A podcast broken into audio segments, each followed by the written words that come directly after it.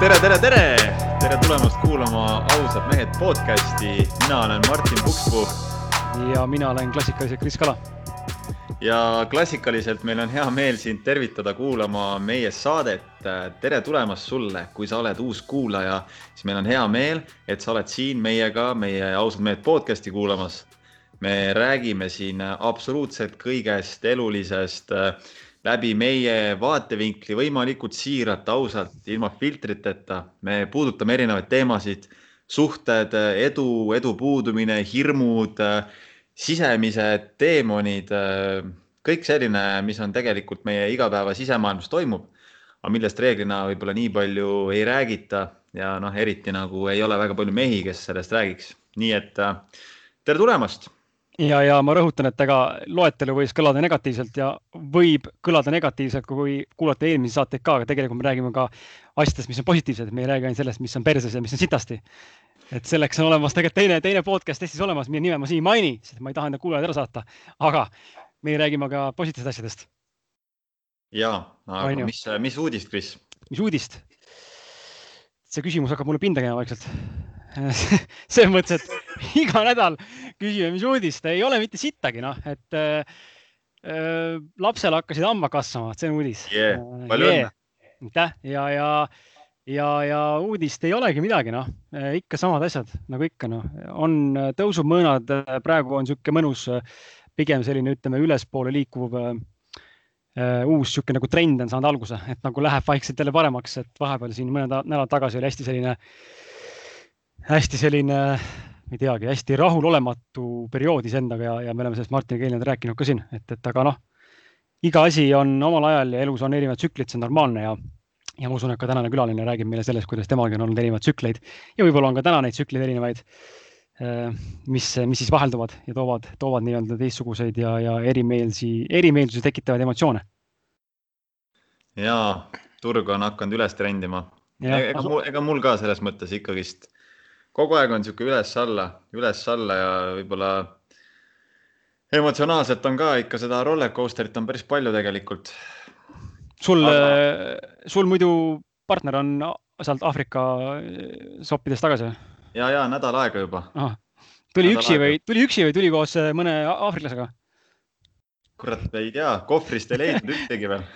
noh, peab jälgima jah aga tegelikult meil on täna saatekülaline ka. et äh, meil on külas täna Sille, tere. tere, poisid ja kuulajad. vot ja kui Krisile alati meeldib teha siukse pika ametliku tutvustuse meie saatekülalise kohta, et kes saatekülaline on, kust ta tuleb, kõik sild, sildid külge kohe, et inimesele tegiks kohe mingi pilt pähe siis mina otsustasin, et ma ei hakka Sillele mingeid silte külge panema, et äh, eks saate käigus äh,. sa ei viitsi lihtsalt. iga inimene, iga, iga inimene saab teada, kes, kes, kes on siis äh, Sille. aga võib-olla võikski sissejuhatuseks küsida nagu, et äh, selline sinu lühike teekond, et äh, sihukese teadlikuma ja natukene vaimsema elu suunas, et kus see kust see alguse sai, kus sa, kust sa tulid ja kus nagu tekkis see, et kurat, et midagi on nüüd valesti elus, et peaks hakkama natukene teistmoodi elama seda elu?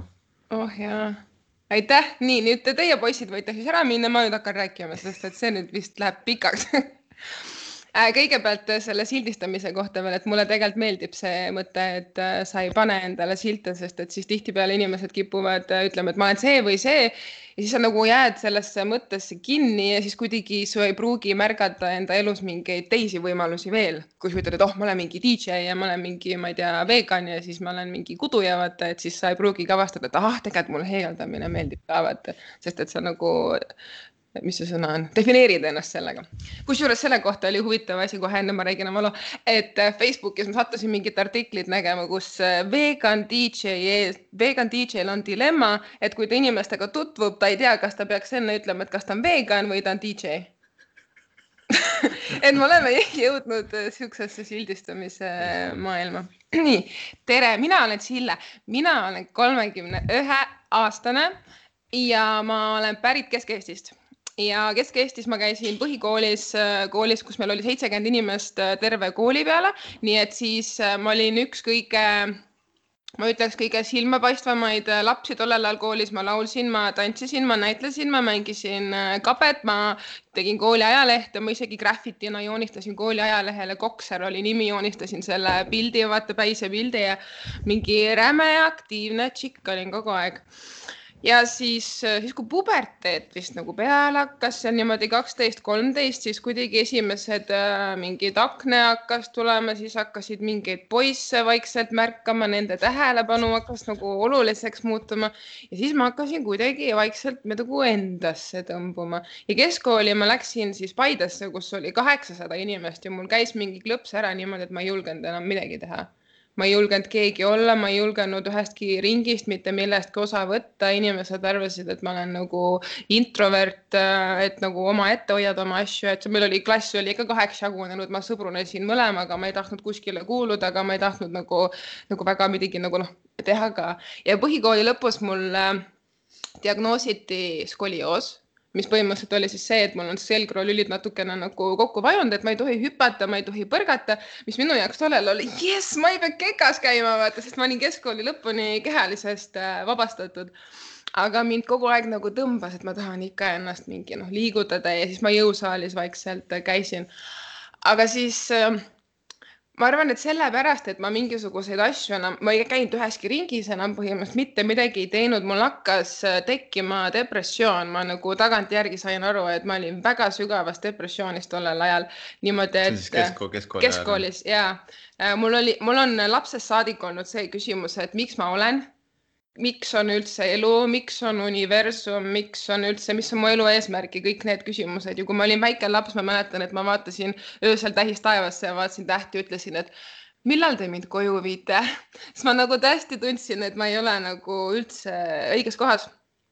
ja äh, keskkooli, noh, mulle väga on terve elu meeldinud äh, laulda ja siis äh, keskkoolis tollel ajal umbes tuli see Evanescence hakkas nagu uu, täiesti uued, nagu see uus, uus stiil ja värgid-särgid ja siis mulle väga meeldib selle Evanescence'i nagu meloodilisuse järgi laulda ja ma laulsin kogu aeg ja see on nagu ulgumine, vaata. ja ma sain tagantjärele aru, et see oligi minu viis selle depressiooniga äh, tegeleda, sest ma arvan, kui ma poleks isegi laulnud, see on nagu väljaelamine, vaata. et kui ma ei oleks seda teinud, siis võib-olla ma ei olekski praegu siin, kes teab, vaata. sest mul oli sihuke värk, et äh, päeval mul oli see nagu, mis, et terve maailma raskus on minu õlgadel ja, ja kõik on nii mõttetu ja ma ei saa mitte midagi aru, niisugune noh, niisugune nagu valu oli sees, et ma ei tahtnud elada. Ja öösel, kui oli aeg siis magama minna, mul tulid paanikahood selle peale, et ma pean ära surema et ma suren ju ära kunagi, mhm. vaata ja siis ma nagu mingi hinges kõndisin mööda tuba ringi öösel, et ma ei saanud magada ja põhimõtteliselt ma nagu väsitasin ennast magama selle mõttega, et ma pean ära surema.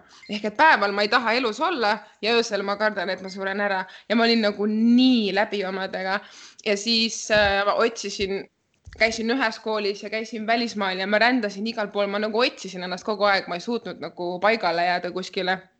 ja alles nüüd hiljuti ma sain sellest aru, võib-olla paar aastat tagasi et võib-olla sa ei peagi paigale jääma kuskile, võib-olla sa ei peagi ennast kuidagi defineerima, see ei ole üldse vale, nagu tänapäeval kõik räägivad, sa pead tegema koolis on ju, sa pead hariduse saama, siis tööle minema, sa kolmkümmend aastat oled seal kuskil ühes töökohas ja siis vaatad, et keskeal kriis ja siis on nagu, mis ma siis nüüd enda eluga teen. et ma olin kogu aeg, kõik ütlesid mulle kogu aeg, et sa ei suuda ühtegi tööd hoida ja kuskil sa ei suuda pikka aega elada ja värki-särki, et mis sul viga on umbes vaata ja ma mõtlesin kogu aeg, et mul ongi midagi viga vaata. nüüd ma nagu elan niimoodi, et ma just tulin Austraaliast, enne seda ma käisin Kreekas, siis tulin Balil käisin onju, siis ma mõtlen, et me lähme mais uuesti Balile ja võib-olla lähme Brasiiliasse, ma ei tea kuhu ja, ja mida ma nagu teen, projektid kogu aeg vahetuvad, et see on jumalast okei okay,, kui sa ei ole ühes kohas stabiilne, vaata. ja siis äh, minu see push vist siis mis nüüd siis see lõpusee oli, kuidas ma nüüd olen hakanud jõudma siia, kus ma praegu olen, oli, kui ma olin umbes kakskümmend kuus ehk siis mingi viis aastat tagasi ma hakkasin vaatama, et ma olin äh, mingi aja tagant kogu aeg proovinud päevikut pidada, aga see kuidagi ei, ei nagu ei püsinud. Ja ma vaatasin, et äh, mu jutt oli kogu aeg sama.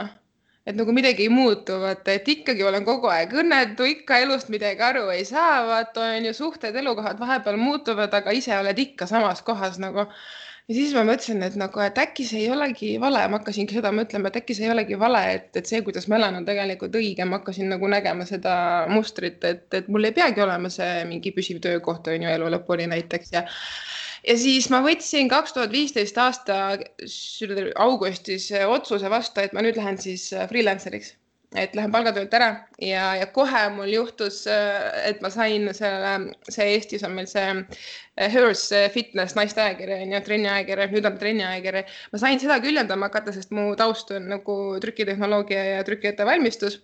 hakkasin seda küljendama ja koos sellega ma läksin sinna fitnessi maailma nagu hästi sügavalt sisse, ma vahepeal isegi mõtlesin, et ma lähen bikiini fitnessi ja siis seal oli see mingi kaalulangetusvõistlus oli, mille lisaauhind oli veel blogijatele et saab veel mingi osutuks välja.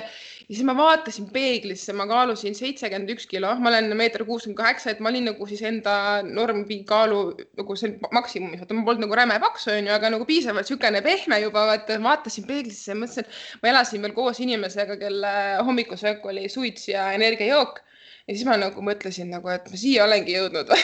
Et nagu mis asja, vaata ja siis hakkas pihta, ma läksin temaga lahkuma, tegin blogi, ma hakkasin toitumist hästi palju uurima, ma tegin kõikvõimalikud toitumisstiilid ja mis iganes läbi ja, ja nüüd ma olengi jõudnud hoopis pikk jutt lühikeseks siis see, et, et vaim peab ka korras olema, muidu ei ole sellest kasu, kui sa ainult seda toitumist nagu sunnid mm. -hmm. ja nüüd ma teen kõike jah, tere siin ma olen.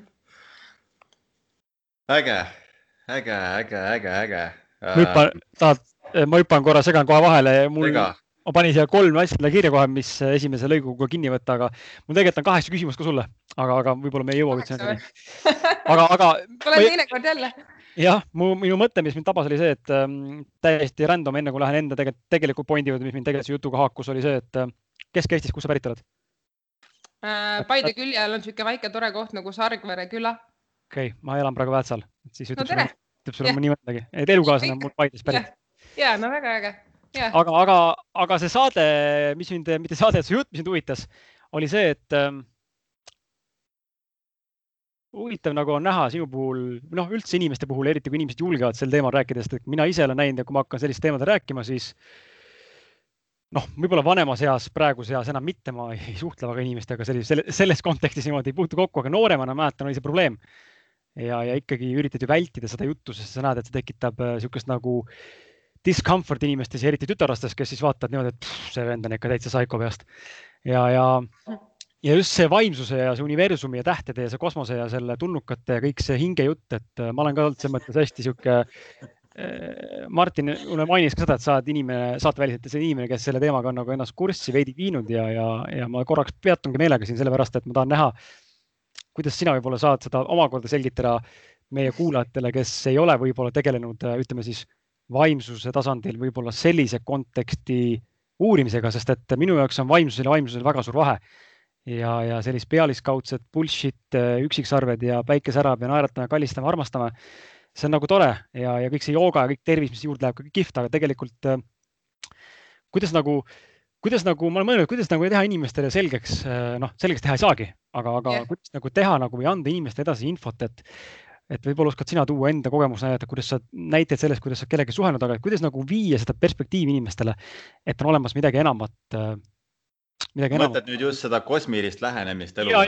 just nagu ütleme, noh, Martin kasutab sõna kosmilist lähenemist, aga ütleme just nagu see, et ongi, et nagu me saame aru sellest, et me tegelikult ei ole inimesed, vaid me oleme nii-öelda Äh, vahet pole, tulnukas, muu rass, kes iganes sa oled, aga kuidas nagu seda panna nagu tavainimest äh, mõistma, et ta võiks nagu sellele mõelda, sest et minu meelest selles on, kui sa selle, selliste valdkondadega tegeled, siis tegelikult seal on meeletu suur perspektiivi muutus elule äh,. Ja absoluutselt. Äh, ühe, ühe loogika järgi meil on inimesed jaotatud kaheks, meil on inimesed ja humanoidid ja et humanoidid on siis kõik need, kes oleme nagu meie, kes nagu tegelevad selle teadliku poolega, vaata, ja siis need, kes ei tegele sellega, siis nemad on nagu nii-öelda inimesed lihtsalt.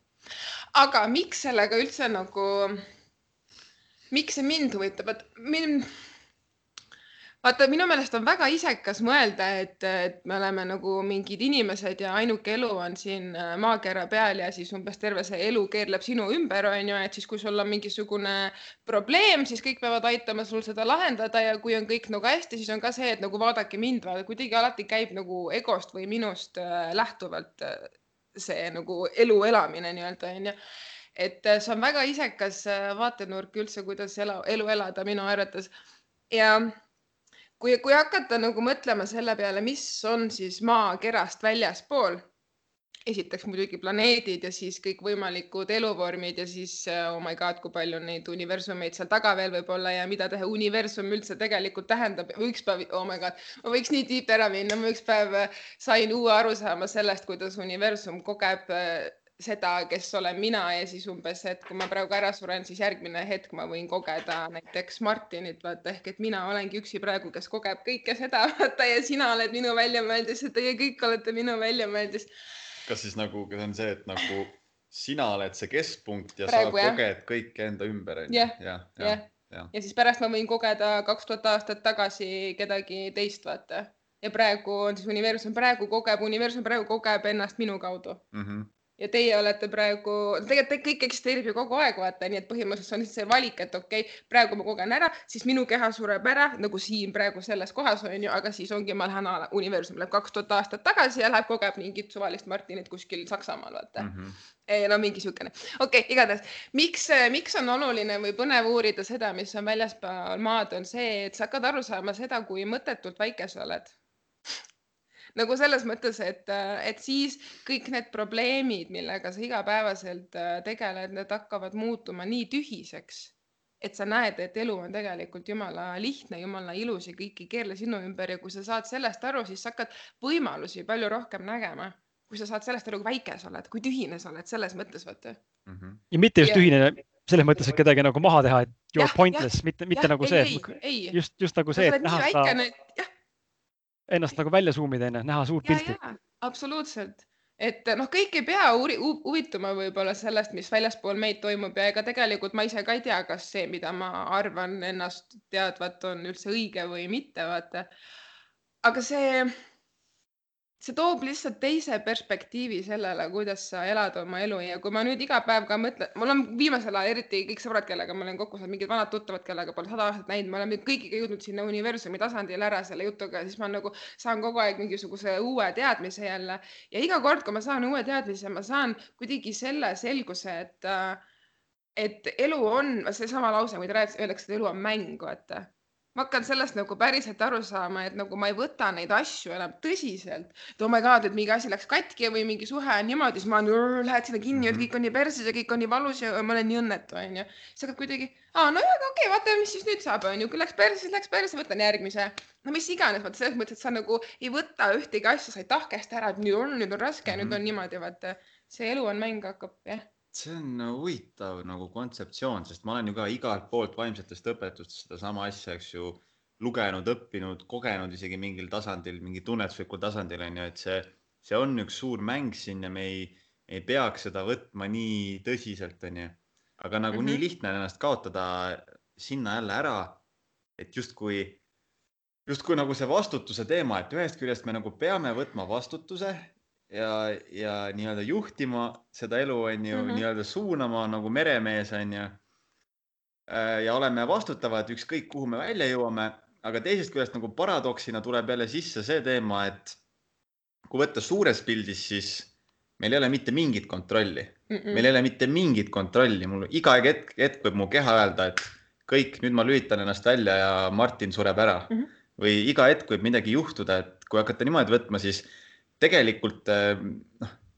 siis kaob kuidas... see ära, et midagi pole enam raske, kui sa nagu tead, et ma võin praegu, võib midagi juhtuda, ükskõik mis midagi, see paneb perspektiivi vaata. aga si sinu sees ei ole olnud sedasama konflikti, et ühest küljest on nagu ja. see, et ma peaksin vastutama, kui mul näiteks äh, miski tuleb jube pressitult ja raskelt äh,, siis äh, kas tuleks lasta minna sellel asjal, sest et see ei ole mulle mõeldud või on see lihtsalt see õppetund, et äh, pinguta on, rohkem, onju. siin on kõige see kaks see poolt nagu see on täiesti aeg. hull, sellega võib täiesti äh, lolliks minna. otsuseid ma teen küll selle baasilt, et aina rohkem, kui ma tõesti tunnen, et äh, ongi see tunne, et kas on mm -hmm. kerge või raske ja kui on kerge tunne, siis ma teen ja kui on raske, siis ma pean, ma püüan kõigepealt aru saada, et miks ta raske on, sest võib-olla see ei tähenda seda, et ma seda tegema ei pea, aga seal on mm võib-olla mingi klausel või mingi, võib-olla ma ei pea seda alast selle inimesega tegema, aga teoorias ma muidu võiksin seda seda teha, onju. Mhm. aga sul oli mingi muu point äh,? Ah, see kaheti. no just, et nagu mingi... kuidas, kuidas tegelikult kuidas jõuda sügavalt selle, selle taipamiseni, et see tõesti on mäng ah,. mul tuli ja, ja see. täiesti nagu kaotada ära see üldse mingi see sihuke tõsiseltvõtmise.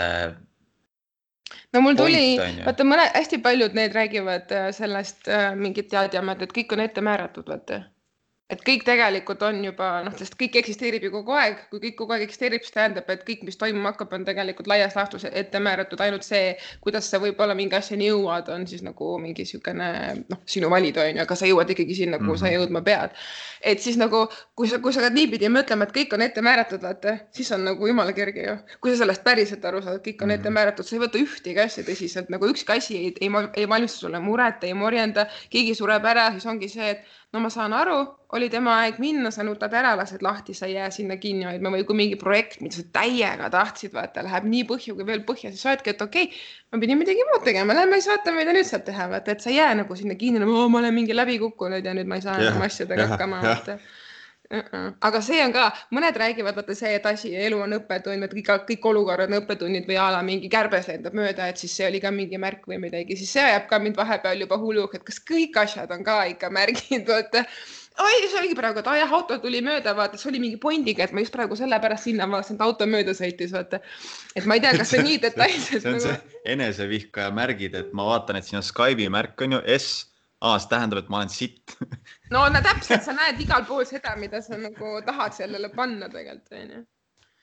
jah, huvitav nagu on ja huvitav on mõelda selle peale seda, et et, et see ette määratud teekond, et ma ise olen ka, me oleme Martiniga sel teemal nagu rääkinud ka ja ma ei mäleta, võib-olla mõne külalisega ka põgusalt, aga peamiselt kahekesti, et see ettemääratud teekond, et kõik teevad, nagu sa väide, kõik teed viivad Rooma, on ju, et vahet pole, kuidas ma sinna jõuan, ma tean, et kui ma olen mõelnud olema kirjanik ja Martin on mõelnud olema treener ja, ja äh, kes iganes, keegi siin midagi muud teeb veel, et me nagunii lõpuks jõuan sinna, vahet pole, kas põhimõtteliselt ma istun käed rüppes ja ma jõuan sinna. ma arvan, et see on, ma arvan, ma arvan, et see on nagu on, on nagu mingisugune see ikkagi paradoks sees, et nagu on The Secret räägib, et um, see külgetõmbeseadus on ju, et mis töötab kooskõlas meie enda ja meie universumi nii-öelda süsteemide ja asjadega. et uh, see ette määratud tee on sul võib-olla olemas, kuhu sa elu lõpuks võib-olla nii-öelda jõuad ja mis on sinu see highest, highest goal on ju. või nagu see highest fulfillment või achievement, aga et kui sa ikkagi ise sittagi tee käed, käed rüppes istus, aga siis ju füüsilises maailmas täna siin, kus meil on füüsiline maailm, siis sa ju ei saa mitte kuidagi edasi areneda mm. -hmm. et ma ei saa kirjutada raamatut käed rüppes istudes, noh, Stephen Hawking sai, onju, aga, aga põhimõtteliselt sa ei saa, selles mõttes ikkagi sa pead tegema midagi või kellegi leidma, kes sinu eest seda teeb. ma arvan, et seal on ikkagi jah, lihtsalt paneb, lihtsalt paneb mõtlema nagu seesama, mis lause, mis ütlesid, panin mõtlema, et kas tõesti, et kui ma täna nagu loobuksin ja laseks lahti sellest, et see on mäng ja lasen mind nii nagu läheb täitsa pohhui, las läheb, juhtub, mis see juhtub, onju, võtan seda, kus võtta annab. kas ma jõuan siis ikkagi sinna, kuhu ma jõudma peaksin? noh, ma ei võta, ma ei saa sõnastada enda eesmärke, sest ma tegelikult ei tea, kas minust peaks saama kirjanik onju ja ma ei saa sõnastada ja Martin ei saa sõnastada seda, et kas temast peaks saama äh, treener mingisuguses staatuses, sest et tegelikult ta ei tea, kas see on tema nagu ikka see, sulle võib tunduda, mulle võib tunduda, et kirjanik on minu tee, aga võib-olla ei ole. ja, ja ma arvan, et paljud inimesed tegelikult, miks nad üldse selliste vaimsete teemadega ei tegele, ongi see, et mm, ma olen näinud, et see vaimsete allikate nagu selline kontseptsioonide lugemine, nende tundmaõppimine on see, mis viibki tegelikult äh, meid sellest mängust välja just nendesse eksistentsiaalsete küsimuste juurde, millega sinagi äh, omal ajal depressiooni alglävedel kokku puutusid. et kes ma olen, mida ma tegelikult teha tahan, miks ma olen tulnud siia, onju, mis on elu mõte, onju, siuksed algelisemad küsimused aga, aga kui sa ei tegele nende valdkondadega, siis kui sa vaimsust üldse ei uuri, siis sa tegelikult ei jõuagi selliste küsimusteni. ja sellepärast ma arvan, ongi ülimalt oluline see vaimses äh, kontekstist rääkides selle vaimsusega tegeleda, sest et see vaimsus ju suunab sind tegelikult äh, nendele eksistentsiaalsete küsimustele, mis lõpuks viivad sind selleni, et sa mõistaksid kus sa täna oled ja kuhu sa võib-olla liikuda jõuad. Aga seal ongi mulle see tundub, et vaata, kuna ma tegelen ka, mul on blogi ja mingi laive teen ja mingeid workshop'e ja asju ja hästi palju nagu annan välja endast, vaata siis ma puutun väga palju kokku inimestega, erinevate inimestega. Ja seal ongi see, et paljud inimesed ei tegele nende teemadega sellepärast, et teadlikkus on hästi ebameeldiv. Sest kui sa tead seda, mida sa nagu saama te, teadma saama hakkad, siis sul on vahepeal väga raske olla ja sellega tuleb tegeleda ja kui sa sellega ära tegeled, oh my god, sa oled nagu mingi seitsmendas taevas, sa oled nii palju endast aru saanud, sa saad elust nii palju aru, elu läheb aina lihtsamaks. Ja, ja mina olen selle nagu konkreetne näide, mina olen niimoodi nutnud, karjunud, depressioonis olnud, mul on niisugune elu vihkamine olnud nagu peal ja ma olen jõudnud nüüd viimaste aastatega sinna, et nüüd, kui mul on midagi rasket, vaata meie keha ka samamoodi, kui sul on mingi a la kõhulahtisus või mingisugune suurem haigus, mingi pikema perioodiline niisugune nagu ebakõla, siis ma olen juba jõudnud sinnamaale, et oh, jess mul toimub mingi puhastus, mul toimub mingi areng, jess, mul on nii pask olla, ma olen nii õnnelik, et mul on nii pask olla, sest et ma tean, et mu keha vabaneb mingisugusest jamast, vaata. aga see ei ole mugav ja paljude inimeste jaoks meeldib olla vaata selles ohvri rollis, kus mulle meeldis noorena olla, sest ohvri roll on kuidagi see, et keegi tuleb, lohutab sind ja siis sa kuidagi, sa ei pea muutuma, sest seal on mugav olla, vaata. et teadlikkus on hästi ebamugav ja, ja paljud inimesed ei tahagi lihtsalt teadlikud olla, sest lihtsam on öelda, et aga ma ei oska või mul, ma ei tea, geenid, jah, keegi on süüdi, geenid on süüdi, vaata onju, või et, et tema oskab paremini, vaat paljudel on see võrdlus veel vaata, et oo, tema on juba nii kaugel, mis mina siis nüüd alustan, vaata. et inimesed ei näe ka seda, et isegi kui kaks inimest teevad sama asja, need on täiesti erinevad asjad, et sest need on kaks erinevat inimest, kes teevad seda. Et kuidagi on lihtsam öelda, et ah ei, mis nüüd siis mina, las ma siis nüüd, las need siis teised teevad. Jah, või siis äh, see, et äh, mida mina olen kindlasti, mida mul on olnud, on olnud seda, seda nagu ohvri rolli, et ma olen juba saanud natuke teadlikuks ja siis läbi selle teadlikkuse ma olen võtnud nagu uue ohvri rolli, et mul on nii raske lapsepõlv olnud, et see, seetõttu kõik on nii raske. jah yeah ja, ja siis sa käid kuskil mingi terapeutide juures või kus iganes, et mingi aru saada, et, et, et okei okay,, kui mul, mul ka näiteks on ju isa oli terve aja lapsepõlves Soomes, isa armastus täiesti puudub, õrna aimu ka, missugune mehe ja naise vaheline suhe tegelikult välja peaks nägema. mina nägin iseseisvat ema on ju, minu mulje ongi see kogu aeg, et mina siis pean iseseisev naine olema, vaata.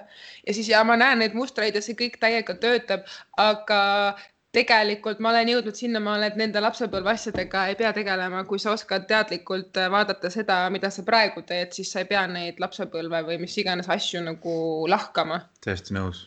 hästi lihtne, sul on vaja jõuda endasse hästi teadlikult sinna hetke, kus sa saadki aru, et okei okay,, ma käitun niimoodi, on ju see, mulle ei meeldi, et ma niimoodi käitun, ma teen teistele liiga, ma teen endale liiga, värgid-särgid ja siis sa ütled, et ma kustutan kõik selle, mis praegu laseb mul niimoodi käituda, vaata näiteks nagu täiesti tundega, ma lasen sellest täiesti lahti vaata ja siis ütleme, et ühest korrast ei piisa, sa märkad jälle, et sa teed seda, sa ütled jälle ma kustutan, ma kustutan, ma kustutan ja lõpuks on nagu sama jääda nagu kunagi oli see mingi tõmbad selle kummiga vaata vastu kätt, kui sa midagi nagu a la kommi tahad võtta, siis tõmbad kummiga vastu kätt nagu karistus oli vaata. aga noh, ma ei näe, et see ka väga töötaks, sest see on karistus on ju, aga mm. sõnades on niisugune jõud ja kui sa paned selle tunde sinna sisse, siis sa oled nagu, et saadki lahti sellest, sa ei pea mingit terapeudi juures käima. terapeut on ka nagu püramiidskeem noh et sa käid rääkimas, mul oli, vaata, ma teen niisugust asja nagu Access Bars, äh, mis, mis on mind hästi palju muutnud, me saame ärevusest ka natuke rääkida, sest ma väga julgelt julgen rääkida asjadest, mis on just nagu rasked ja valusad, vaata. ja eile käis mu juures Access Barsis üks tüüp, kes ütleb, küsisin ta käest, et miks sa tulid, siis ta ütles, et tema põhiline point oli sellepärast, et ta mõtleb nii palju, tal on nii raske, vaata, et nagu ta ei saa enda peast enam välja, vaata. ja siis ma ütlesin, et okei okay,, me võime baarsi teha niimoodi, et sa oled vait või siis niimoodi, et me räägime sellest. ja ta tuli paanika peale, ta küsis kohe, et oh, me peame rääkima midagi või siis ma ütlesin, ei, ei, sa ei pea midagi vaata rääkima, et inimestel on kopp ees juba sellest, nad peavad rääkima sellest pasast, mida nad on läbi elanud, vaata lihtsalt ja. nagu muudame, võtame teise suhtumise ja hakkame nagu muutuma. ja see, see, see on huvitav, ma, ma jõudsin enda jaoks ka nagu mingi hetk sinna punkti, kus ma tundsin, et äh, ma ei viitsi enam rääkida enda mingi minevikust mm. -hmm mis mul on olnud mingi isaga või mis mul on olnud kuskil seal või seal, et nagu mis kuradi vahet seal on, et ma tahan, ma tahan edasi liikuda, ma tahan äh, kuhugi jõuda, onju. Fuck it. sa nagu kinnistad endale seda, kui sa seda uuesti läbi räägid, et. no just, nagu, nagu võimendan sedasama lugu.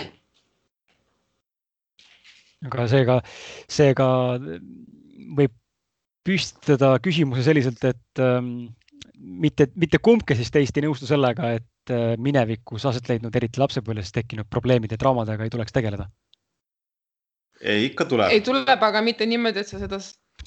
aga siin ongi mm, see, et yeah. ük, üks on see, et me võime nagu, me võime lõputult leida läbi erinevate nende teraapiate ja läbi eneseanalüüsi, me võime lõputult leida neid lapsepõlvetraumasid ja situatsioone mis meid tänasel päeval mõjutavad ja me võime lõputult jääda analüüsima, lahkama, leida kogu aeg uut, sest et see on mm -hmm. terve mineviku mm, -hmm. need kogemused on seal kõik koos, me võimegi jääda nendesse ja me tegelikult ei liigu välja. kuigi võib-olla tegelikult tuleks teha nii palju tööd sellega, et mõista, on ju, kus mu need probleemid tulevad, mis see juur on. ja nüüd, kui ma sellest teadlik olen, siis nüüd ma lihtsalt äh, teen teistsuguseid valikuid ja ma olen nii, kui miski mind mõjutab ja lapsepõlvest ma olen sellest teadlik ja ma valin teistmoodi. mitte, et nüüd äh, ma ei lähe enam tagasi iga kord sinna jälle lahkama mingit uut asja. meil on üks äh, tehnika, mida me kasutame, et äh, ärkad hommikul üles ja siis ütled, et ma kustutan ja hävitan kõik, kes ma olin eile ehk et kõik mingid asjad, mis on sul elus üldse toimunud, näiteks a la see, et läksin eile Martiniga tülli, onju, siis täna on uus päev siis ma kustutan selle ära, et ma Martiniga eile tülli läksin, nii et täna ma hakkan ikkagi Martiniga suhtlema nullist, mitte et ma läksin eile tülli ja nüüd meil on halb suhtlemine, vaata mm. -hmm. et nüüd ongi nagu, et kõik, mida sa oled nagu minevikus kogenud, sa ei baseeru endal mingeid eelduseid või ootuseid sellele, mis oli eile või mis oli nagu minevikus ja sinu lapsepõlves ja kui sa suudad niimoodi iga päev, okei okay,, ma kustutan kõik ära, kes ma olin eile ja ma vaatan täna ennast nagu puhtalt lehelt, siis üks hetk saabki see võimalikuks, et sa ei ole enda lapsepõlve mustrid enam pluss ma arvan, see on hea, hea sinu, sinu näite puhul hea nagu tehnika, mida kasutada selle puhul ka, et sa ei jääks kinni eh, nendesse emotsioonidesse, tunnetesse ja, ja kogemustesse, sest minu ümber on, ma olen näinud, tähendab enda puhul ja, ja väga paljude pere, perekonnaliikmete puhul seda, kuidas inimesed hoiavad mingisuguseid,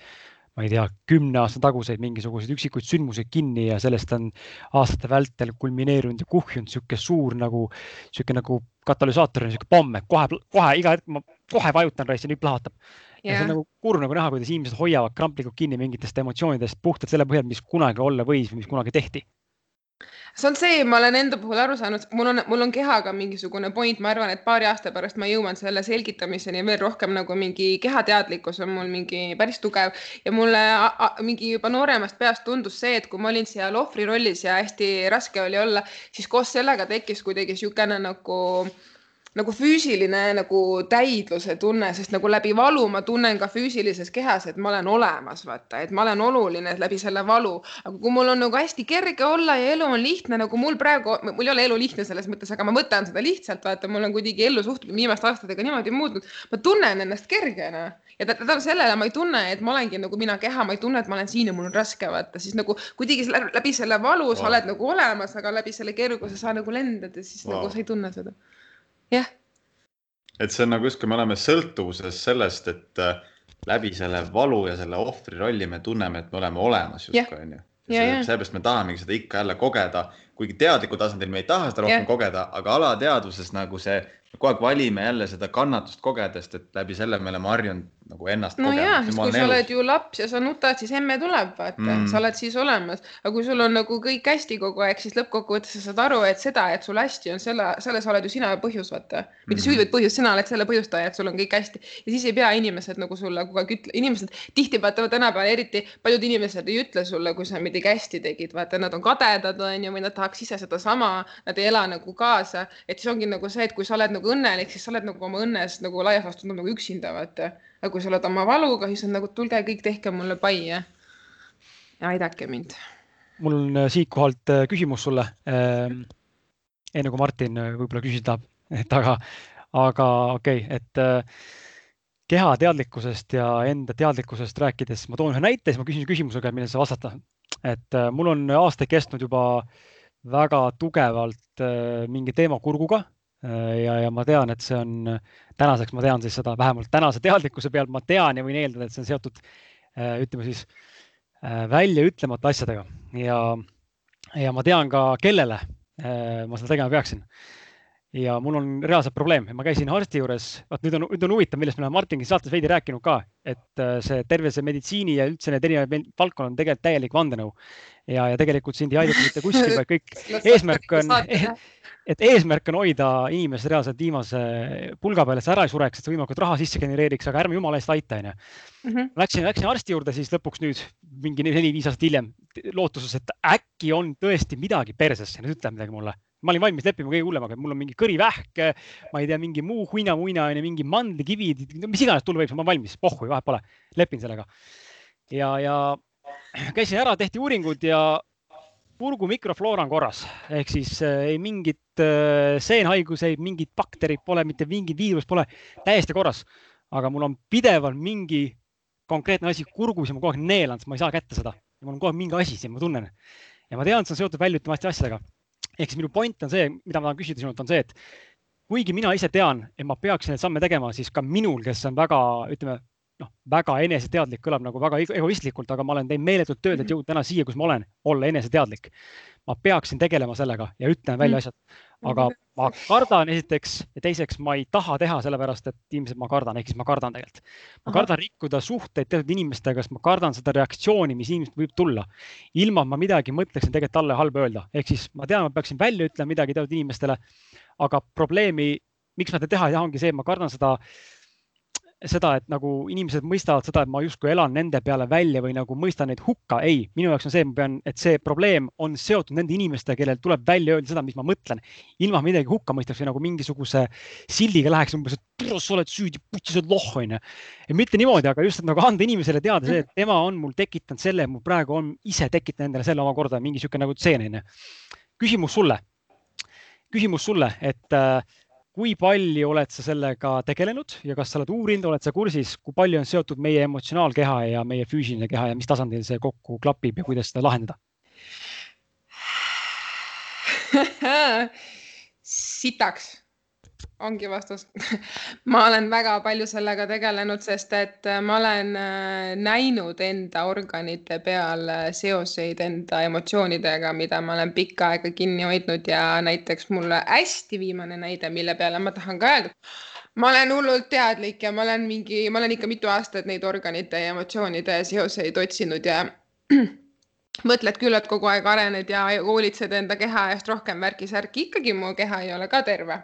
ja siis ma käisin nüüd alles hiljuti füsioterapeudi juures, sest ma käisin ka kunagi arstide juures, kes, mul on kaks asja, mis mul on äh, nii-öelda probleemsed. Ja siis, kui ma käisin arstide juures neid uurimas, siis arstid ütlesid mulle mitu aastat tagasi juba, et ma olen terve, nagu täiesti terve ja siis ma olin nagu, et fuck, aga ei saa ju olla, mul on nagu midagi nagu valus, onju.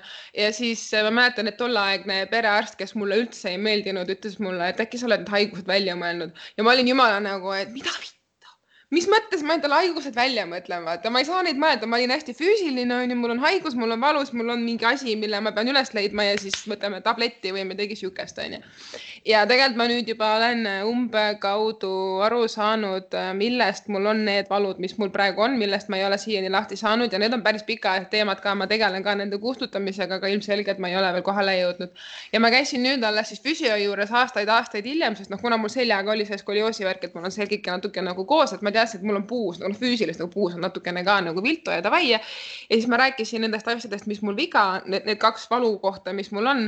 ja siis ta katsub mind ja vaatab ja räägib ja värgid-särgid ja ütleb mulle, et ei, aga sul on kõik psüühiline nagu eelmine esmaspäev ja siis ma jälle sain nagu ulguda ja teate, see nutmine on nii äge, palun nutke nagu julgelt ja karjuge julgelt see kõik välja, sest kui see sinna sisse jääb, eriti naistele, aga meestele samamoodi, ta jääb sinna suguorgani, organitesse, vaata, mis on see loov energia, edasiviiv energia ja kui sa selle siit kinni paned, siis noh, mõned ei saa lapsigi selle pärast, onju.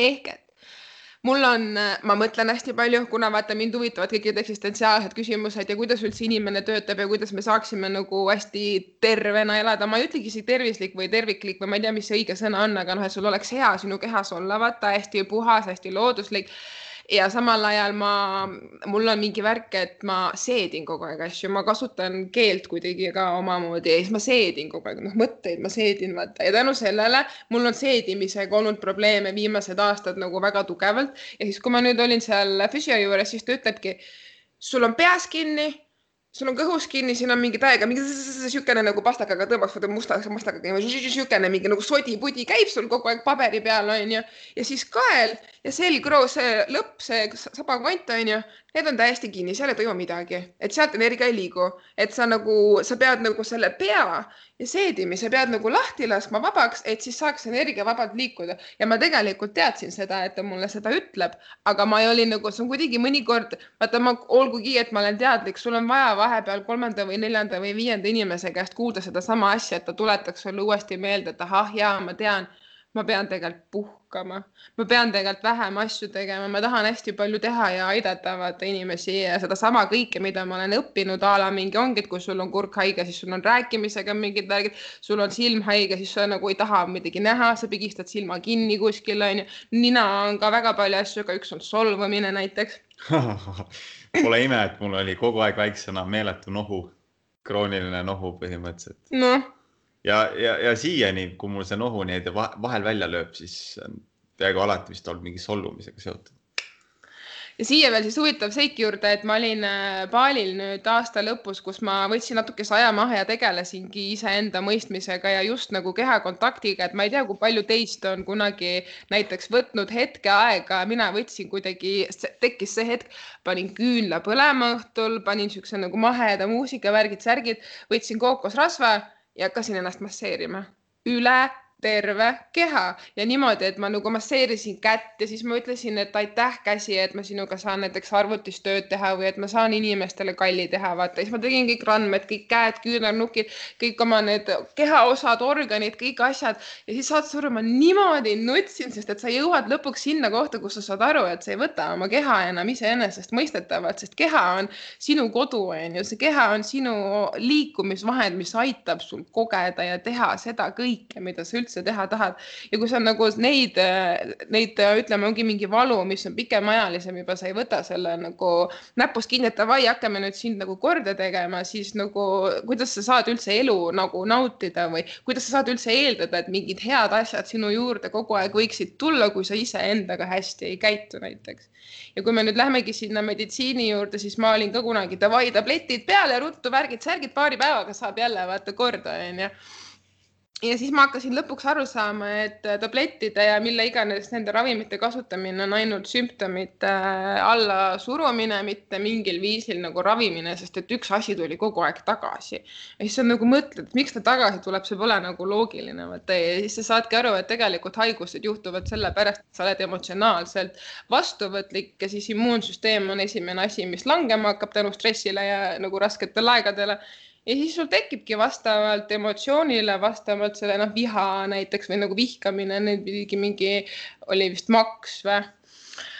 ma täpselt ei mäleta, ma võin muidugi valetada, aga ma tahtsin Paali kohta seda öelda, et vaata, muus on hästi palju igast märke ja asjad nagu tulevad su juurde ikkagi siis, kui sul on õige hetk ja ma olin Paalil just äh, oma organite ja just oma keha kontakti nii-öelda taastamas ja siis ma olin äh, väljas kuskil hästi pikkade juhuste läbi ja ma sattusin ühte kohta, kuhu ma ei kavatsenud minna ja seal oli üks äh, vanem paarikene, niisugune kuuskümmend pluss ja siis naisel oli särgi peal kirjas mingi ma ei mäleta täpselt lauset, see on mingi heal your life või midagi siukest ja siis ma ütlesin talle, et, et oh äge särk, vaata, et ma nagu ei karda võõrastele inimestele öelda midagi, kui mul on nagu, et tahaks midagi öelda, siis ma mhm. ütlen, onju ja siis ta ütleb ja, ja et see on see Louis Hay särk, et nagu me töötasime temaga kakskümmend aastat koos ja see Louis Hay ongi see, kes põhimõtteliselt seda organite ja emotsioonide seoses mm -hmm. on mingi miljoneid raamatuid ja videosid ja kõike teinud, vaata. ja siis ma olin nagu, et fuck, praegu teie olete siin või mis asja, vaata ja siis ma läksin kohe koju ja hakkasin nagu nende samade organite kohta, millega mul jamad on, hakkasin guugeldama ja siis tuletas kõik selle meelde ja ma tegelikult tean,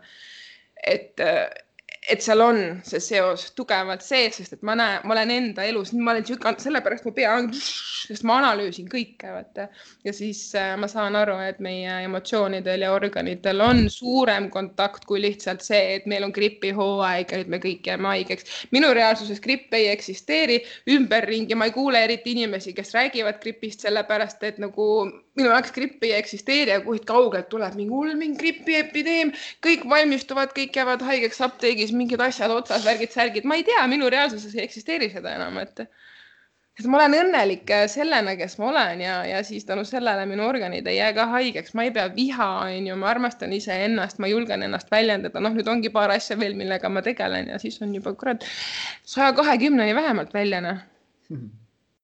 just naljakas jah, see gripiepideemia, kõik muudkui räägivad ümberringi, siin ikka kuuled ju tänaval ja bussis ja igal pool. kas siin haigus tuleb, ikka siin gripp või siin Vello jäi haigeks eile.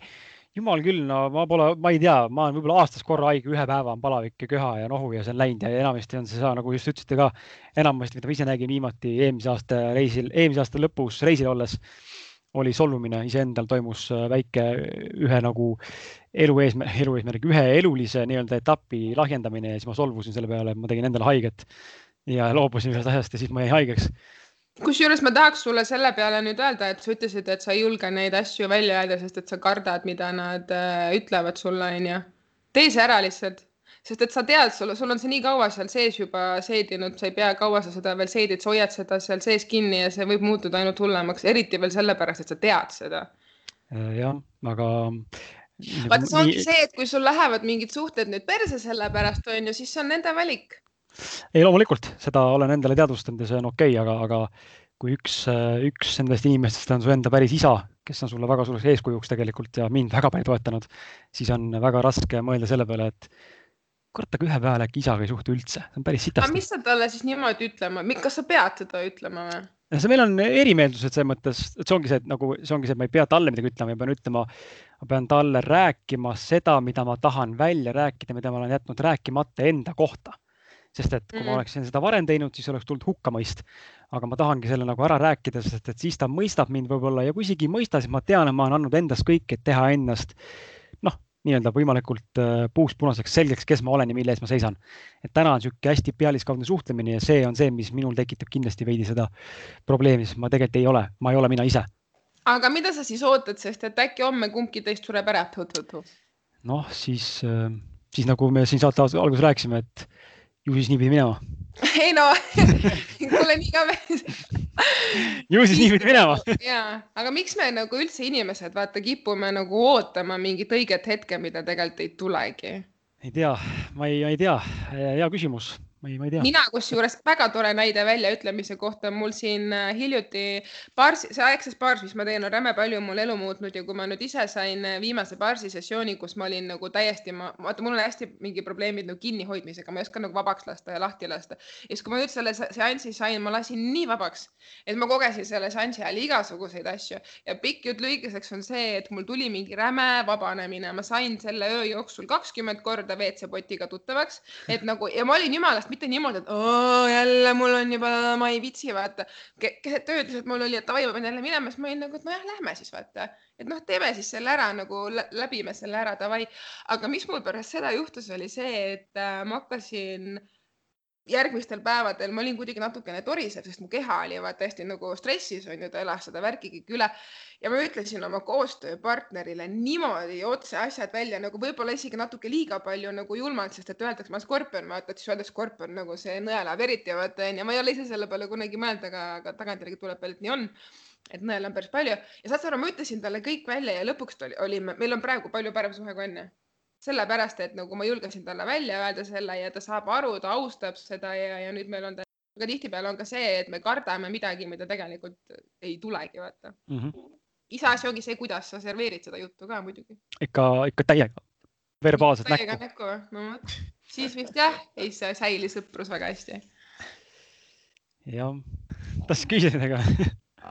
ei, ma jäin mõtlema seda, et äh, küsiks ühe küsimuse et äh, milles siis äh, üks tavaline inimene, kes nagu tunneb, et äh, senisel viisil nagu edasi minna enam ei taha ja kõik on ennast ammendanud või ei saagi enam edasi minna sellisel viisil ja kust võiks inimene, millest inimene võiks alustada, et hakata nagu veidi kergemat nagu sisemiselt kergemat elu elama hmm.?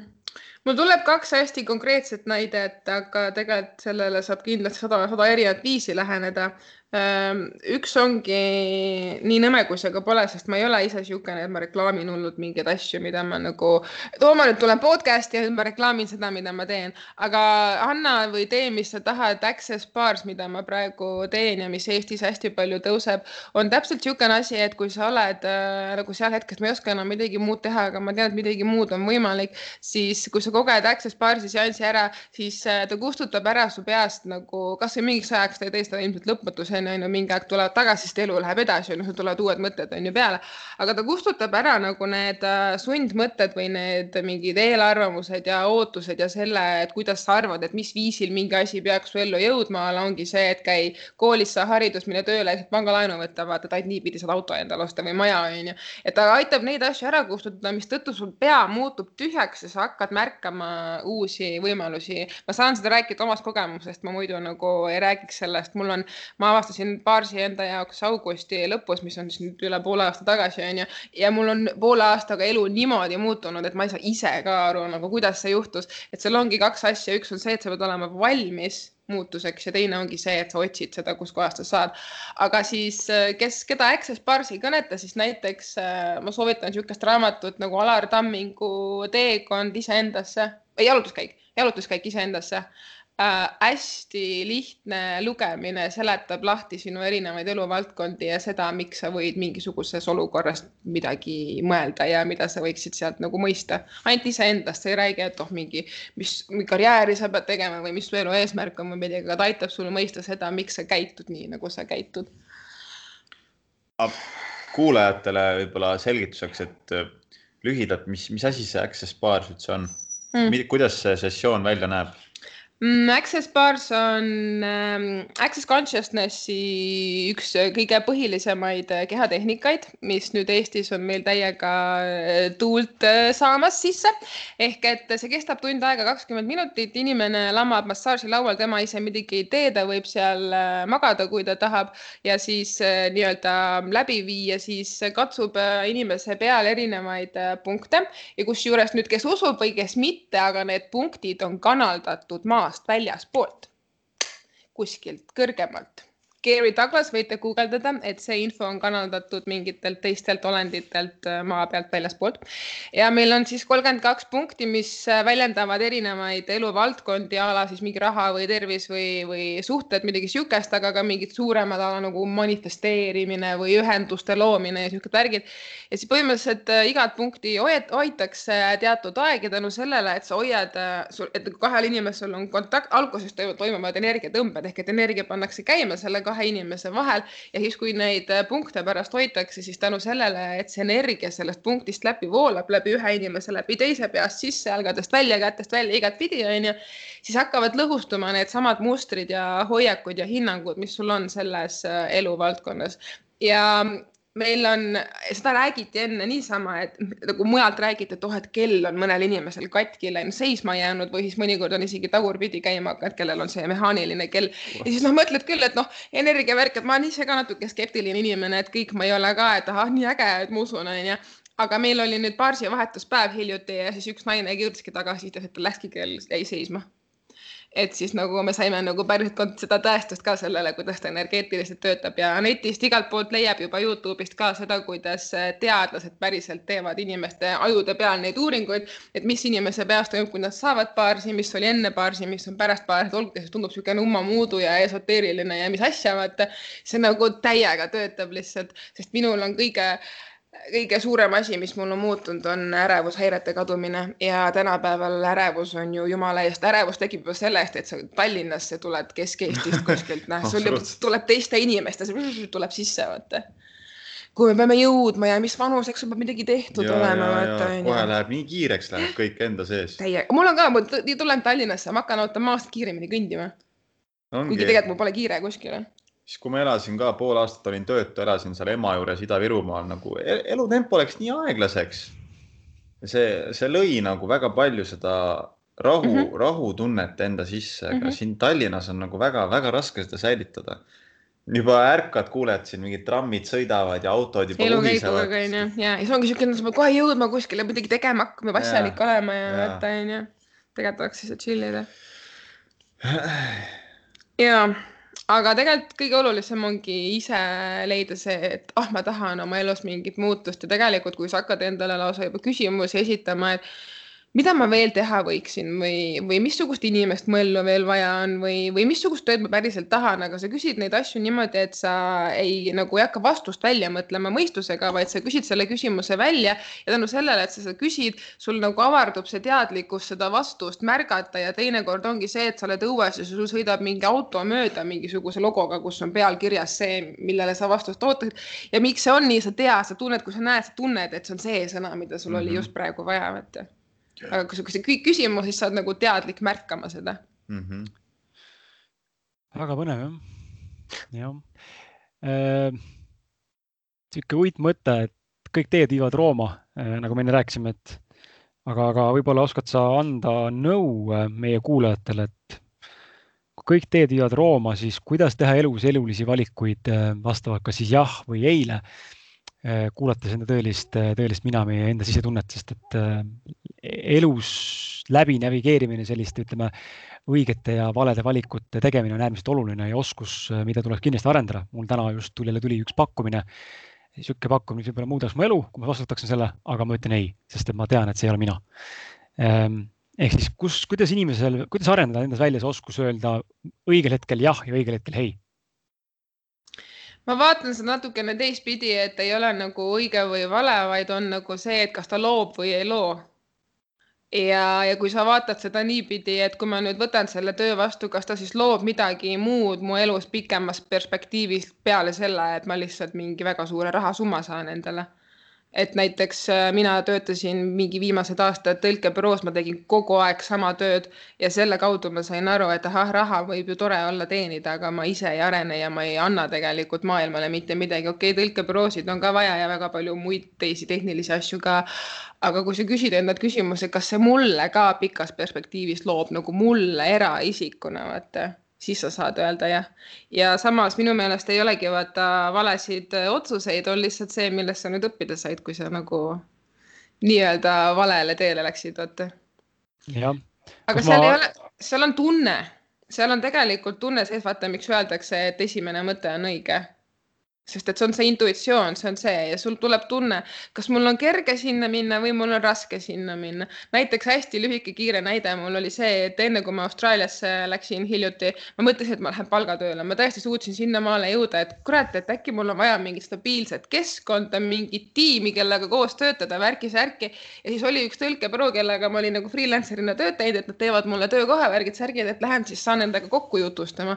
aga samal päeval ma, kui ma nagu hakkasin sinna minema, ma tegelikult tegelikult teadsin, et ma lähen Austraaliasse. mu tunne ütles, et ma lähen Austraaliasse, aga samal ajal mu tunne ütles, et ma pean sinna minema nagu sinna kohtumisele ja siis mõistus on jumala segaduses, miks ma sinna minema pean, sest et mõistus on see, kes analüüsib kõike, aga tunne ütleb, et sa pead sinna minema, aga sa ei lähe sinna tööle ja siis ma läksin sinna ja siis äh, ma sain talt tänutäheks ühe raamatu, mingi, noh, et ma olin mingi hästi palju tööd nagu aidanud neil värki-särki, ma sain tänutäheks ühe raamatu, mis oli siis Alar Tammingu äh, üks tõlgitud, mitte tema tõlgitud, aga noh, tema nendest seeriatest, vot on hästi need kosmilised äh, teemad on kõik Alar Tammingul, psühhedeelikumid ja kõik mingid värgid-särgid ja ta kinkis mulle raamatu nimega Kosmiline siug, mis on nagu mingi ajuvaska teemaline mingist tüübist, kes läks uurima neid põlisrahvaid kuskile sinna Lõuna-Ameerikasse, et kuidas nende elu on tänu taimedele, vaat kuidas nad elavad nagu taimede informatsiooni järgi. ja siis sa lähed sinna ja siis sa mõtled nagu, et ma olin just nädal tagasi Tammingu loengul käinud, ma olin sealt kolm raamatut ostnud, mis ükski polnud see raamat, vaata ja sa lähed sinna nädal hiljem ja sa saad selle raamatu, sa oled nagu, et aa, sellepärast pidin siia minema, sest lambi inimesele sa ei kingi mingi ajuvaska teemalist raamatut, vaata, aga ta kinkis selle mulle ja siis ma saingi aru, et aa, näed mõistust ei pea alati kuulama, mõistus on see, mis aitab sul ellu jääda või teha mingeid ratsionaalseid valikuid, onju, aga laias laastus tunne on see, mis on õige. Ja kui sul ongi tunne ja su mõistus ütleb, kuule, see ei ole nagu loogiline, siis kui sul on vähegi võimalik, siis järgi seda tunnet, mitte mõistust. Ülimalt oluline on see eneseteadlikkus ja, ja nagu see kõlab, see sõna võib-olla kõlab väga selliselt nagu egoistlikult, umbes vend teab, kes ta on, onju, ilge tore. Mm.. aga nagu, aga nagu ennast ju, kui sa oled vähegi analüüsivõimeline inimene, siis sa õpid ennast läbi eluliste valikute aastate jooksul ikkagi tundma ja kui sa seda ei tee, siis on kurb, onju, et aga, aga, aga ma just küsisin seda küsimust sellepärast, et sa tõid küll raha näite, kuidas nagu valida, kas võtta vastu töö või mitte võtta vastu töö või mingi uus klient. aga, aga näiteks enda pealt minevikus ma ei läinud äh, mingi aeg, e, võõrandusin täielikult ähm, enda seltskonnast just nagu pidudel käimisest. Ja tänapäevani mind see ei koti absoluutselt ja ma tean, et keegi küsib mu käest, et kuule, Kris, tule muga sinna näiteks a la, ma ei tea, Oscar mingisuguse galale või mingi Eesti muusikaauhinde jagamisele. minu vastus on automaatselt ei. Äh, sest et see ei kõla minus ja ma usaldan ennast. Ja minu küsimus ongi nagu see, kas põhimõtteliselt seesama asi tegelikult ju eneseteadlikkus ja enda nagu intuitsiooni usaldamine kehtib ka igas valdkonnas, vahet pole, kas see on raha teenimine või see on õnneotsing või see on armastus või see on sõprus või see on mingi muu väljakutse või see on kuskile minek või see on mingisugune situatsioon või mingi muu asi. kõik ju tegelikult tuleb meie enda seest ja sest et tegelikult me ju vaata, kui me kasvame nii-öelda siin eneseteadlikumaks, ma ei ütlegi siis vanemaks, vaid eneseteadlikumaks onju, siis nagu tegelikult sa ju tunned ka, et kõik lapsepõlvesõbrad, näiteks kellega sa oled kogu aeg kunagi hänginud, sa enam ei tunne, et ma tahaks nendega hängida, sa olid kunagi koos, see oli tore, aga mingisugusest harjumusest või sellest, et oh, me oleme nii kaua sõbrad olnud, et siis peaks ikka edasi sõber olema, aga tegelikult sa saad aru, et teil rääkida ei ole enam mitte millestki onju, et tegelikult paljud inimesed elavad ikka veel niimoodi, et ma olen ju seda kogu aeg teinud, ma teen seda edasi edasi ka aga seestpoolt sa oled nagu, ah oh, ma käin, käisin ära, mis said ristikirja, vaata, aga sa tuled ära. ja vot see asi, millest saad õppida, on see, et kui sa käisid ära seal, kus sa teadsid, et sa minna ei taha, aga noh, sa ala kohustusest läksid, onju. sa tuled pärast koju ja sul ei ole hea tunne, sul on siuke tunne, nagu sa oled tühjaks pigistatud sidrun, vaata. ja see ongi see energia, mida sa tahad. see on nagu, mul oli kunagi üks äh, kutt, kellega ma rääkisin, et kui ma saan mõne sõbraga kokku või käin mõnes kohas ja ma tunnen, et ma ei saa sealt midagi vastu, siis ta ütles mulle, et ma olen isekas mm. -hmm. et miks ma tahan midagi vastu saada, vaata ja siis mul on nagu, et siis ma ei mõõda seda niimoodi, et okei okay,, ma annan sulle infot ja nüüd sa annad mulle infot, mitte niimoodi, aga mul on vaja kasvõi energiavahetus mm -hmm. toimub, vaata energiavahetus toimub nende inimestega, kellega sul on koos põnev, sa oled mingil määral samal lainel, vaata ja sa lähed nagu koju, sul on vähemalt energiatase sama, kui mitte isegi parem, onju, aga sa ei ole selles mõttes teiselt inimeselt ära võtnud, sest kui te olete koos mingis vestluses, sul on nagu see sünergia ja me võtame tegelikult universumist, me toodame energiat juurde selle mm -hmm. info baasil, millest me räägime, sellest tundest, vaata. et tegelikult, kui sa ei oskagi alguses otsustada, et kas mu nüüd tunne petab või mitte, siis analüüsi pärast, kui sa ära tegid, kas sul siis on hea tunne või mitte, sa mm -hmm. saad aru, kas sa oled väsinud, kas sa oled koormatud või sa oled nagu niisugune lillekene asa peal, vaata liblikas lendad seal kuskil, vaata lööklause, see lööklause moto ongi see, et sinu, meie keha on meie parim õpetaja, sinu keha on sinu parim õpetaja nagu. meie keha ongi meie jaoks, ta ei ole ainult nagu liikumisvahend, ta ongi see, mille baasil aru saada, kas kõik, kõik, kõik, kõik, kõik, mida sa üldse enda elus teed on sulle vajalik või mitte, on sulle panustav või mitte. organid jäävad haigeks sellepärast, et sa teed endale liiga, vaata. kui sul on raske olla, siis sa saad aru, et sa teed valet asju, kui sul on kerge olla, siis sa saad aru, et sa teed õiget asju, kui sul on kuskilt valus, siis sa mõtled, miks mul valus on, mida ma eile tegin, on ju, et mul praegu siit näiteks valus on, on ju. keha on õpetaja kõige jaoks, isegi siis, kui sa ei saa aru, kuidas ta aitab sul raha teenida, võidki küsida, keha, kuidas me saaksime raha teenida, keha, kuidas ma saaksin endale auto, keha, kuidas ma saaksin endale selle suhte, keha, mida me peame tegema selleks, et blablabla bla, bla, mis iganes. küsi neid küsimusi ja ära mõtle mingit vastust välja ja sa hakkad märkama uusi võimalusi. keha. Amen. onju täiesti nõus täiesti resoneerub minuga kõik see, just see läbi, läbi see keha lähenemine. ma, ma olen alati nagu mõelnud sarnaselt, aga ma ei ole kunagi osanud seda nii hästi sõnadesse panna nagu sina, et äge. näed, see ongi see, mida, mida ma jälle ka usun, et mul on tihtipeale olnud ka see, et ma nagu mõtlen mingisuguse asja peale, aga keegi teine tuleb, ütleb selle välja, vaat siis nagu oh thanks nagu mm, -hmm. ma juba mhm. ootasin seda, et see tuleb, sa ei pea alati ise kõige peale tulema see on ka oluline, et ennast nagu ei, ei sunni, et aa, miks ma hakkama ei saa või miks ma ei leia värki-särki, tuleb mujalt ongi see lahtilaskmine, mida sa enne rääkisid ka, et kui sa lahti lased, kas sa siis jõuad oma elu eesmärgini, vaata jõuad ikka. Oluline, ma arvan, et ongi see, et sa, ongi seesama, kust me täiesti alustasime, sildistamine, vaata, kui sa ei defineeri ennast sellena, et davai, minust saab treener või minust saab kirjanik, siis sul pole õrna aimu ka, võib-olla sinu, sinu sees on mingi siukene, mingi puutööline nagu, et sul pole õrna aimu ka, sihuke äss, vaata. aga kuna sa ütled, et ma olen kirjanik, ma olen treener, värki-särki, siis sa ei avastagi seda puutöölise mm -hmm. asja võib-olla kunagi et nagu äh, ei pane piiri, vaid ongi, sa ärkad iga hommik üles ja küsid näiteks enda käest, et aga mida ma täna luua saan või, või kes ma täna olla saan, vaata. ja siis mm -hmm. hakkad mingit uut hobi või mida iganes avastama kogu aeg, iga päev. küsimused on nagu põhiline vahend, äh, millega ennast, äh, vaata, siin ongi, meil on siin Access'is vaata ka need põhiküsimused a la mingi, kuidas sa veel paremaks minna ja mis veel võimalik on, et paljusid inimesi nagu hirmutab see küsimuste kasutamine, tundub vahepeal, et hull mingi niisugune, kõik räägivad sama juttu ja mingid küsimused. niimoodi, niimoodi ei peagi üldse küsima, selles mõttes ma olen ka vaata see, kes on nagu selle iga, iga teraapia või mingi selle koha nagu see siluja või see keskpunkt, vaata, et ma ei, nagu püüan iga, kõik igale poolele midagi nagu pakkuda või värki-särki, et see ongi nagu, et küsi seda küsimust, mis sa ise küsida tahad, mida sa tahad enda ellu luua ja siis küsidki, et mida ma täna luua saan või mis on nõutav selleks, et mu elus oleks niisugune asi ja siis lased lahti. aga et nagu küsi ja siis sulle antakse siis, kui sa tundega küsid, mitte nagu niisama ka onju, aga tundma mm -hmm. peab ka, et sa tunned seda valu või seda rõõmu, mille pärast sa seda küsid onju. -hmm. ja siis tuleb. jah, ei, kõik on väga õige, väga õige väga,, väga-väga lahe kuulata. Äh, hüppaks korra reaalsest elust, reaalsest maailmast virtuaalmaailma sotsiaalmeedia, lugesin postitust sinu poolt, ühte su blogipostitust, mis puudutas natukene sotsia-, mitte praegu, enne saadet. Äh, põgusalt praegu lappasin küsimusi enda, enda Macis, mul on siin need ees vahepeal. aga et ähm, sotsiaalmeediast, et äh, ma kirjutasin paar kuud tagasi, eelmise aasta lõpus äh, blogipostituse nimega sotsiaal, Instagram kui nutiajastu pornotööstuse litsimaja ah Eh, mis eh, läks päris naljakal kombel. minule väga suurimaks, suureks üllatuseks läks väga-väga laia ringi otsa ja see sai vist peaaegu nelikümmend tuhat lugemist väga kiiresti. Ja ma rääkisin just sellest. jah. ja, ja ma rääkisin, rääkisin just sellest, et seal põhipoint oligi see, kuidas seesama lause, mis sina enda blogis kirjutasid ka, et naised, muidugi mehed ka, aga ütleme suures laastus meile meeldib enda keha müüa ja me oleme väga pealiskaudseks muutunud ja elu läbi sotsiaalmeedia filtrite ehk Instagram, Facebook, Twitter ja mis iganes ongi platvormid on siin. kõik tundub ilus ja mõnus, kõik naeratavad, kõik on kore, kõik on, kõik on tore, tähendab, kõik on mõnus onju. aga tegelikult sa oled omadega täiesti perses, siis sa tegelikult noh, tänaseks ma saan aru, inimesed kannavad maske ja see on normaalne, me kanname maske ja me tahamegi näidata ennast heas küljes enne mis iganes enda alaväärsuskomplekside ja mingi puudujääkide pärast, aga kui palju on sind sotsiaalmeedia mõjutanud ja, ja mida sa oled võib-olla sellest õppinud? Hmm. No kui ma alustasin seda blogi ja ma tegin seda, seda kaalulangetusvõistlust ja värki-särki, siis ma tegin kogu aeg neid samasuguseid ilusaid pilte, et külje pealt keerad ära, siis on piht ilus peenike, tagumik on suur. mul on eriti suur tagumik antud niisama, ma ei pidanud väga palju vaeva nägema, vaata.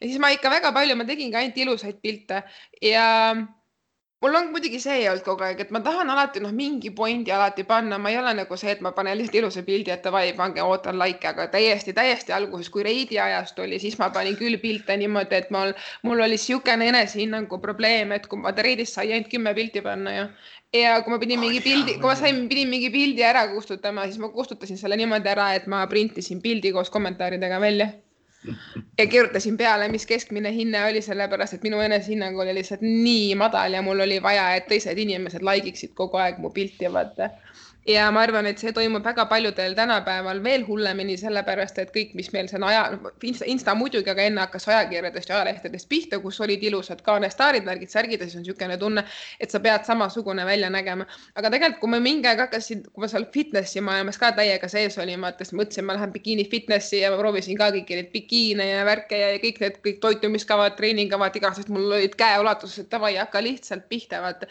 siis ma vaatasin seda, et kui ma hakkasin seda ilusat pilti tegema, siis mul läks vaeva, et see ilus pilt õige nurga all saada võtta ja sa saad aru, et sa ju ei seisa niisama tavalises kehahoiakus, sa ei seisa niimoodi. ja siis ma saan aru, et okei okay,, seal fitnessi nagu võistlusel sa pead ennast nagu poosetama, et sul mingi lihas välja tuleks väga äge, et nad näevad, et davai, sa oled tõesti nagu tööd teinud, onju. aga ülejäänud inimesed, kes vaatavad nüüd Instagramis neid postitusi, need ongi nagu niimoodi, et see ongi päris elu või? ma peangi samasugune välja nägema ja siis kõik teavad neid külje pealt pilte, suured tagumikud, suured tissid, piht on niisugune, et nagu ei paistab läbi juba onju. et äh, mul hakkas hästi kiiresti endal hästi äh, halb kuidagi, sest ma tundsin, et ma valetan siis mingi aeg ma ei teinud enam üldse nagu ilusaid pilte, vaid ma tegin pigem äh, videosid, kui ma tegin mingeid harjutusi, et ma näitasin, et tehke nii, proovige nii, värgid-särgid. ja siis äh, nüüd viimasel ajal ma ei postita üldse oma keha vist, nagu ma tundsin seda, et mul ei, mul, ei ole seda vaja, et ma panen, mul on loomu poolest äh, kõhulihased lihtsalt on, inimesed on räme kadedad ja ma olen nagu, et nojah, sorry, ma ei saa midagi teha, mul on. Ehk et kui ma peaksin pildi peale jääma kõhulihastega, ma saaks juba selle eest likee ja siis ma ise tunnen nagu, et aga miks vaata, et nagu mille pärast inimene like'i paneb. ma kirjutan tihtipeale mingi pika teksti sinna alla ka, aga nagu väga vähe on need, kes kommenteerivad, et oo, nii hea mõte oli või midagi. aga kui ma teen mingisuguse pildi, kus mul ei ole midagi nagu paljastavat, näiteks ma panin paar päeva tagasi alles, ma panin vali ennast äh, kampaania, meil on praegu siin käimas, et äh, tegin pikema jutu selle kohta, et kuidas valida iseennast, on ju, ja et kui teised inimesed äh, sa ei saa teistel inimestel alati vaata mm. äh, loota.